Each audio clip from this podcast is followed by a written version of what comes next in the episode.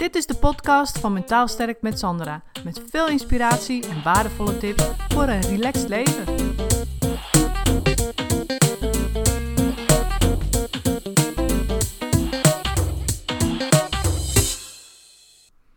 Ik kreeg een hele leuke vraag van een van jullie over het, eh, over het hebben van keuzestress bij het vinden van een partner. En ehm, ja, het is ook zo dat je natuurlijk tegenwoordig kun je ja, over de hele wereld daten als je dat wil natuurlijk. En ehm, heb je ontzettend veel keuze uit mensen, uit mannen en, of vrouwen als je daarvan houdt. En dat maakt het er natuurlijk niet makkelijker op. Dus net als dat je in de supermarkt staat en je, je wil een potje jam kopen. Ja, je hebt honderd soorten jam. Welke kies je dan? Weet je, het is vanuit uh, psychologisch oogpunt ook zo dat hoe meer keuze je hebt, hoe uh, verlammender al die opties in je brein werken. Weet je wel? Um, je kan eigenlijk al die keuzes niet overzien. En daardoor vind je dus ook geen van die keuzes bevredigend. Want je denkt elke keer, als jij een potje jam mee naar huis neemt, eindelijk is het, is het gelukt om er eentje uit te kiezen. En je neemt hem mee naar huis. Nou, dan zit je je boterhammetje met jam te eten. En dan denk je, nou, lekker, oké. Weet je? Dat is wat we over het algemeen doen. En dan denk je ook niet van, nou, uh, misschien was dat potje toch lekkerder. Of die misschien net iets lekkerder, weet je. Uiteindelijk die jam, ja, smaakt natuurlijk allemaal hetzelfde, zo'n beetje. Maar, weet je, dan ga je ook niet terug naar de supermarkt om een ander potje te halen. Dus wat, wat gebeurt er dan eigenlijk? Je, het lijkt net of de keuze die je gemaakt hebt, als je al een keuze kan maken, of die onbevredigend is. Omdat er nog veel meer andere keuzes zijn waar je uit kan kiezen. En dat je constant dus met die twijfel zit: is dit wel de beste keuze? Uit alle keuzes. En ja, zo is het eigenlijk ook met het vinden van een partner. Op een gegeven moment, je kunt natuurlijk met een relatie kun je meer dingen uitproberen. Weet je, potjes hem draaien open, dat proef je. En ja, dat vind je vies of dat vind je lekker, weet je wel. Maar als je een eh, partner gaat zoeken, ja, dan is het natuurlijk... Uh, kun je nog een beetje aftasten en je kunt nog eens uh, een keer, nog eens een keer kijken en nog, weet je. Maar als het eenmaal bevalt, dan maak je het vaak jezelf moeilijk door te denken van is dit wel de beste keuze? Want er zijn zoveel andere opties. Weet je? En dan is het belangrijk dat je weer in dat potje jam denkt. Zo van, ja, als ik dat potje jam zit eten thuis en ik heb uh, daar een keer van geproefd, ga ik ook niet het, het, dekseltje dichtdraaien en terug naar de supermarkt en het volgende potje proberen open draaien, weer een hapje nemen en weer terug. Want ja, misschien is het andere potje jam wel een betere keuze. Dat doe je ook niet. Dan geniet je gewoon van je potje jam en je boterham. Snap je? Dus dat is natuurlijk als je al zo ver bent dat je aan het daten bent of dat je al een keuze hebt kunnen maken. Maar er zit natuurlijk ook nog een stadium voor waarin je dus de keuze gaat maken om ja, met iemand iets af te spreken. En daarbij kun je dus net zo goed overweldigd zijn door al die keuzes. En dan is het misschien ook goed om na te denken van wat doe je nu als je bijvoorbeeld op marktplaats iets zoekt. Weet je, als je op marktplaats iets zoekt, nou, weet je, zoals ik dat doe, dan, uh, dan ga, gooi ik daar een heleboel filters overheen. Want anders heb ik, krijg ik pagina's vol. Als stel dat ik een lamp zoek. Nou, dan, uh, als ik alleen lamp intyp, krijg ik honderden, honderden pagina's over heel Nederland. Maar als ik intyp bijvoorbeeld tafellamp, dan ben ik al, uh, heb ik al natuurlijk een stuk minder hits. En als ik uh, de afstand zet op bijvoorbeeld maximaal 30 kilometer van mijn uh, woonadres, ja, dan krijg ik ook alweer minder hits. Weet je wel? Dus als je wereldwijd kan daten, dan kun je je misschien afvragen: voor, is het wel zo slim om dat allemaal wereldwijd te willen doen, ook überhaupt? Ik bedoel, het is natuurlijk hartstikke leuk hoor, maar dat het kan. Maar is het handig? Want als ik een leuke lamp vind, stel ik, zou die, zou, ik, doe die, ik zet die filters er niet over, over die lamp in Marktplaats. Dan stel dat, dan vind ik een hele leuke lamp. En je denkt, ja, dat is het helemaal. En dan zie ik bijvoorbeeld, ja, in Groningen. Die is, op, die is alleen op te halen in Groningen. Want hij kan niet verstuurd worden, want hij kan breken bijvoorbeeld. Ja, dan denk ik ook, nou, laat maar zitten. En dan heb ik hoop gezocht en een hoop tijd eraan besteed en dan doe ik het uiteindelijk toch niet. Dus daarom is het ook denk ik belangrijk van, als je het dan over wereldwijd kunnen daten hebt, van wat is nou eigenlijk gewoon praktisch? Wil je iemand in de buurt of uh, juist niet, weet je wel? Dus daar begint het natuurlijk al mee, met die filters van, van waar zoek je iemand? En dan vervolgens, wat voor iemand zoek je? En daarbij kun je natuurlijk ook heel erg vast gaan lopen in een heleboel eisen die je aan zo'n partner of aan zo'n uh, ja, date stelt, zeg maar. En uh, ik uh, moet even vertellen dat het eigenlijk. Dat is wel een grappig verhaal, want als, als je het over online daten hebt. Um, ik heb op 15, even kijken, um, het is nu 2019 nu ik dit opneem. Dus het is, even kijken, ja, 15 jaar geleden. Ja, 15. Dat ik, um, toen, toen woonde en werkte ik nog in het buitenland en ik was veel aan het reizen. En uh, ik had zoiets van, ja, ik wil eigenlijk ook wel een leuke partner, weet je wel. En ik had natuurlijk heel veel te maken ook met buitenlandse mannen. En ja, ik had zoiets van, ja, dat wordt hem niet. Want ik wist inmiddels van alle cultuurverschillen en al die dingen. Daar was ik al tegen aangelopen. Dat ik dacht van, nou, dat, uh, dat hoeft allemaal niet meer. Ik zoek gewoon iemand uit Nederland. Zover was ik al. Dus dat had ik al gefilterd. En, uh, maar het was natuurlijk heel gek, want ik zat toen nog in het buitenland. Ja, ook zat, ik, ik zat eerste twee maanden, in, ik zat twee maanden in Nederland en toen daarna ging ik weer naar het buitenland. En die twee maanden dat ik in Nederland was, dacht ik van, nou weet je wat, dan ga ik op Relatieplanet. Nou, en toen, dat is 15 jaar geleden, was dat gewoon nog echt, uh, ja, was je echt gewoon een loser, zeg maar, als je dat deed. Dan was je echt gewoon, uh, was je echt een hopeloos geval. Dat was gewoon, dat werd, was echt een taboe. Dan was je gewoon, ja, echt heel erg, heel erg desperate als je dat deed. En uh, dus ik had daar ook totaal geen verwachtingen van. Ik dacht van, nee, nou ik doe het voor, gewoon voor de lol. Ik verwacht hier helemaal niks van. Die zitten allemaal losers op. En, uh, en ja, dat gebeurde ook. Ik kreeg ook uh, een aantal reacties. En echt van die reacties dat ik dacht van, ja, daar kan ik gewoon niks mee, weet je. En voor mij maakte het natuurlijk, het was een stuk lastiger, omdat ik ook weer naar het buitenland ging. Dus dat had ik er ook wel, op een gegeven moment kwam dat natuurlijk ter sprake. En zodra ik dat vertelde, van ja, ik ga weer naar het buitenland. En nou ja, het is tijdelijk, maar goed, eh, ik ben in ieder geval uh, uh, zo'n zes, zeven maanden ben ik in het buitenland.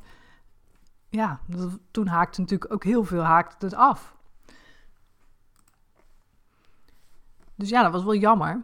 Nou ja, of eigenlijk ook niet, want um, eigenlijk was het helemaal niet jammer, want um, diegene die reageerde, ja, dat vond ik, ook, vond, ik, vond ik ook inderdaad losers. En of dat nou kwam doordat ik het, uh, ja, daar al een beetje vooroordeel over had of niet. Maar ik vond het gewoon helemaal niks. Sowieso niet. Dus ik dacht, nou, weet je wat, laat me zitten. Het is inderdaad gewoon uh, echt... Uh, het slaat helemaal nergens op, weet je, om dit te doen. Dus ik wou het eigenlijk al bijna gewoon mijn profiel verwijderen. En uh, ik denk, ja, we zien het wel. Maar toen kreeg ik dus een reactie. En die reactie was heel anders. Die was eigenlijk zo van... Uh, ja, heel open-minded, weet je wel. Van, oh, nou ja, buitenland. Ja, nou, ik werk en woon ook veel in het buitenland. Ben ook regelmatig. En uh, nou, die stond daarvoor open, weet je, om dan in ieder geval op afstand contact uh, ja, op te bouwen. En toen dacht ik, oh, dus dat greep wel mijn aandacht natuurlijk. Toen dacht ik van, hé, hey, die, die zit daar gewoon heel chill in, weet je wel, die is daar relaxed over. En het gekke was, um, want dat, wat ik natuurlijk wilde vertellen is over die, die hoge eisen die je dan hebt, van tevoren al over een relatie, dat kan ook verlammend werken. Want um, hij, dus die, die, diegene waar ik toen contact mee had, die had een kind. En dat stond ook in zijn profiel.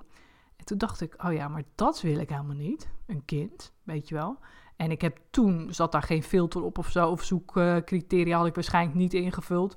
Dat uh, van wel of geen kinderen, weet je, daar kun je waarschijnlijk nu op filteren. Maar dat had ik toen niet gedaan, omdat ik daar eigenlijk helemaal niet bij stil stond. Dat dat ook nog een optie zou kunnen zijn, voor sommigen dus. En um, toen kwam dat zo uh, voorbij en toen dacht ik, ja, maar dat wil ik helemaal niet. Maar toch, hij was dus de enige die op, gewoon op die relaxte manier reageerde. En uh, ja, dat trok me daar toch wel in aan. En toen dacht ik, ja, nou ja, goed, weet je... Um, uiteindelijk is het natuurlijk belangrijk dat je gewoon op één lijn zit over hoe je in het leven staat en wat je in het leven wil en weet je, al die dingen. En dat, die klik had ik met hem wel heel erg. Dus toen dacht ik, nou ja, oké, weet je, waarom niet? En uh, nou ja, uiteindelijk, 15 jaar later, wij zijn nog steeds bij elkaar. Dus wij zijn in 2012 zijn we in uh, New York zijn we getrouwd. Dat was echt heel cool. En uh, ja, wij zijn gewoon nog steeds bij elkaar. En natuurlijk, met, met, um, hij heeft een zoontje en dat was natuurlijk in het begin ook niet makkelijk. Maar goed, weet je, dat is uiteindelijk, als ik me daardoor toen al, als ik die eisel had gehad van het moet er eentje iemand zijn zonder kinderen, dan had ik hem dus nu ook niet gehad. Want dan had ik dat er dus al uitgefilterd. En dan had ik hem nooit gevonden. Weet je, snap je wat ik bedoel? Dus het is ook wel belangrijk om voor jezelf, uh, ja, bij jezelf na te gaan. Heb ik niet gewoon heel veel eisen? En uh, dat kan dus kan tegen je werken. Want hoe meer eisen je aan iemand stelt, hoe meer je er dan ook op gebrand bent om te ontdekken of die wel aan die eisen voldoet. En ik weet niet, misschien kijk je wel eens naar 90 Day Fiancé van eh, TLC. Dat is echt, uh, dat is echt mijn favoriete programma. Dat is echt bizar. En dat, is, dat gaat dus over stellen die elkaar ontmoeten, of nou, Amerikanen eigenlijk, die dan iemand uit, in het buitenland, ook vaak online, ontmoet hebben. En dus ja, eigenlijk online al een soort van relatie hebben opgebouwd zonder dat ze elkaar hebben gezien. En dan naar het buitenland gaan om elkaar voor het eerst te ontmoeten. Zo is dat met mijn man en mij ook gegaan trouwens. Maar, dus daarom vind ik het waarschijnlijk ook zo leuk. Maar, uh, en dan ontmoeten ze elkaar voor het eerst in het buitenland. Nou, en dan, hè, dus, dus die hele voor, het hele voortraject voordat ze uiteindelijk uh, met zo'n K1-visa naar, het, uh, naar Amerika worden gehaald. En dat ze dan nog 90 dagen hebben om te trouwen, weet je wel. Dan gaan eens kijken of dat lukt, hè, of ze echt bij elkaar passen in 90 dagen. Maar dit is 90 Day, 90 day Fiancé, dat is before de, de, voordat ze dus al in Amerika zijn. Dus dan zie je dus dat die Amerikanen naar het buitenland gaan om, ja, om uh, nou ja, die, diegene die ze online hebben gemoet voor het eerst te zien. En alles daarin, in dat hele programma, draait maar om één ding. En dat is ook waar het uiteindelijk in de relatie, dus in jouw relatie, ook om draait. En dat is maar één ding. En alles wat in dat programma, dus 90 Day Fiancé, wat daar misgaat, zeg maar, draait ook om, dit, om dat ene ding. En want je hoort dus bijvoorbeeld, um, moet ik even een voorbeeld verzinnen. Het gaat dus vaak over dat bijvoorbeeld, uh, de, de, is er dan eentje en die, die is heel erg gelovig en dan zit ze in de kerk en dan doen ze allemaal achterlijke dingen in die kerk. Echt juichen, klappen, vier uur huilen en zingen. En ja, en diegene die dan, uh, dus die Amerikaan, die is natuurlijk op zich die, oh ja, die, is toevallig dan helemaal niet christelijk. Nou, en die vindt daar natuurlijk wat van. Weet je? En zo zijn er bij alle stellen, ook vanuit culturele verschillen, maar ook gewoon vanuit, ja, gewoon gedrag, van hoe iemand is, uh, zijn er altijd problemen. En het is ook wel echt heel stroperig hoor, dat, dat, dat, uh, dat programma. Want soms zitten ze over een uur of, een, of mijn man, die kijkt dan ook mee en zegt hij... Jemig, hebben ze het daar nou nog steeds over? Weet je, over dat ene probleem of die ene discussie? Of weet je wat er dan aan de hand is? En dan denk ik, oh ja, het is al een uur verder en het gaat er nog steeds over. Maar ja, ik zit daar niet mee, want ik zit er helemaal in. Dus ik heb het helemaal niet in de gaten. Maar het gaat om één ding. En dat ene ding is acceptatie. Dus alles waar ze in 90 Day Fiancé ruzie over hebben, komt doordat ze elkaar of mekaars cultuur en dus ook gedrag, wat dus cultuurgerelateerd gedrag ook vaak is, niet kunnen accepteren. Of ze kunnen de familie van diegene niet accepteren. Of andersom. Het gaat er altijd hoe dan ook over acceptatie, oftewel elkaar niet kunnen accepteren. Familie niet kunnen accepteren, gedrag niet kunnen accepteren, de cultuur niet kunnen accepteren en dus die persoon het liefst um, willen veranderen in iets ja, wat, waar ze dus blijkbaar wat een soort eisenpakket, zeg maar, wat ze zelf dus eerst voor ogen hadden. En waarom het bij mij zo goed werkte, is denk ik omdat ik helemaal geen verwachtingen had van dat hele relatieplanet gedoe. Ik ging daar echt in met het idee van dit wordt niks. Dit is gewoon voor losers, dus dit gaat hem gewoon niet worden. Dus ik had daar totaal geen verwachtingen over. En dus ook geen eisenpakket. Dus dan werkt het juist, omdat je ervoor open staat. En als je een heel eisenpakket hebt, ja, dan ga je eigenlijk bij voorbaat al ga je de mist in. Want dan ben je eigenlijk alleen maar bezig op het moment dat je iemand dan een keer ontmoet of je gaat daten met voldoet hij wel aan mijn eisen. Oftewel, doet hij wel zoals ik het wil hebben, zoals hij doet. En dan ben je dus niet bezig met acceptatie. En dan sta je niet echt open voor iemand en dan ben je niet bezig met accepteren van iemand zoals die is. Hè? Dus als je open staat voor iemand, dan ga je, ja, dan, dan eh, laat je diegene zijn zoals die is. Heel simpel. En dus daarom zeg ik ook van, ga voor jezelf eens goed na. Wat is gewoon praktisch om te doen? Net als die lamp in Groningen ophalen. Ja, als, als je wereldwijd kan daten. Hè, eh, vroeger had je inderdaad de keuze uit, uh, ja, de, die paar leuke jongens op school of uh, weet ik veel waar. En dan was het dan. Hè, want je kon niet online en je kon niet iedereen maar bereiken in de hele wereld. En dan was die keuze een stuk makkelijker. Dus waarom het gewoon niet weer terugbrengen naar het, ja, om door het simpeler te maken voor jezelf. Door gewoon eens te kijken van, laat ik het eens bij de omgeving houden. En laat ik daarbij gewoon eens verwachtingen loslaten. En op het moment dat je die keuze hebt gemaakt, dat je met iemand gaat daten en het gaat goed, dat je dan net als dat potje jam, gewoon van dat potje jam gaat genieten. En dat je niet het potje dichtdraait en naar de supermarkt gaat en het volgende potje gaat proberen. Omdat je denkt, misschien is dat wel een net iets betere keuze. Weet je? Op het moment dat je zoveel keuzes hebt, dan is het dus ook, ligt het gevaar op de loer dat je altijd denkt dat een andere keuze beter is. Maar blijf daarbij dus ook bij je gevoel van, hé, hey, dit voelt goed, het potje jam smaakt lekker, zo maar even te zeggen. En dat is het dan, weet je wel? Als je je altijd maar blijft afvragen, misschien is er nog een betere keuze ergens in die hele wereld, nou, in die online datingwereld en ja, die vele, vele profielen waar je uit kan kiezen. Ja, dan wordt het een heel moeilijk gedoe. En dan hou je die keuzestress natuurlijk in stand. Dus ook daarin bij je gevoel blijven. Dus wat ik ook had van met mijn man, van nou ja, kijk, die, die, daarmee kan ik levelen. In ieder geval toen over dat hele buitenlandverhaal. Die snapte dat. En nog steeds, wij hebben gewoon nog steeds een, uh, ja, een, een, we kunnen heel goed levelen over wat we willen in het leven, waar we naartoe willen. En en dat voelde ik toen al, denk ik gewoon. En daarom ging het ook goed. Dus ja, dan ga, ben ik ook niet verder gaan kijken om te zeggen van nou, nou eens kijken wie er nog meer, eh, wie ik nou nog eens een keer kan uit. Misschien is er nog iets beter. Iemand die net nog iets open-minded, meer open-minded is of wat dan ook. Of die dan geen kind heeft of zo. Nou, zie je maar eens te vinden, weet je. Dus dat is uh, een beetje wat ik daarover te zeggen heb.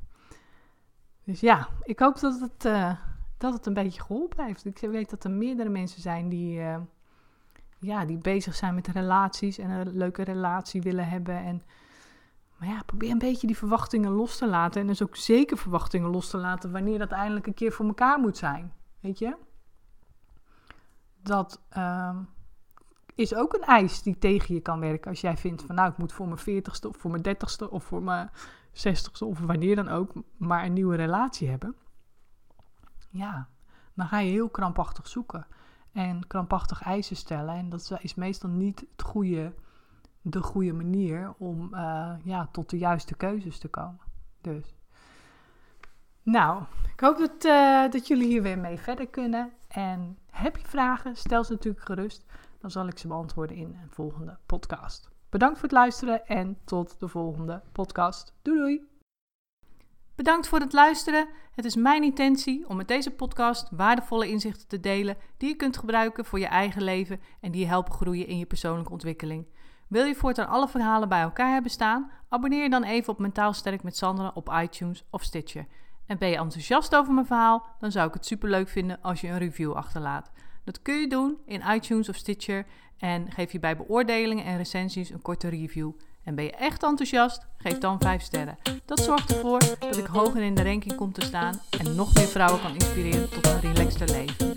De dank is groot als je dat even voor me wilt doen. Tot de volgende keer bij een nieuwe uitzending.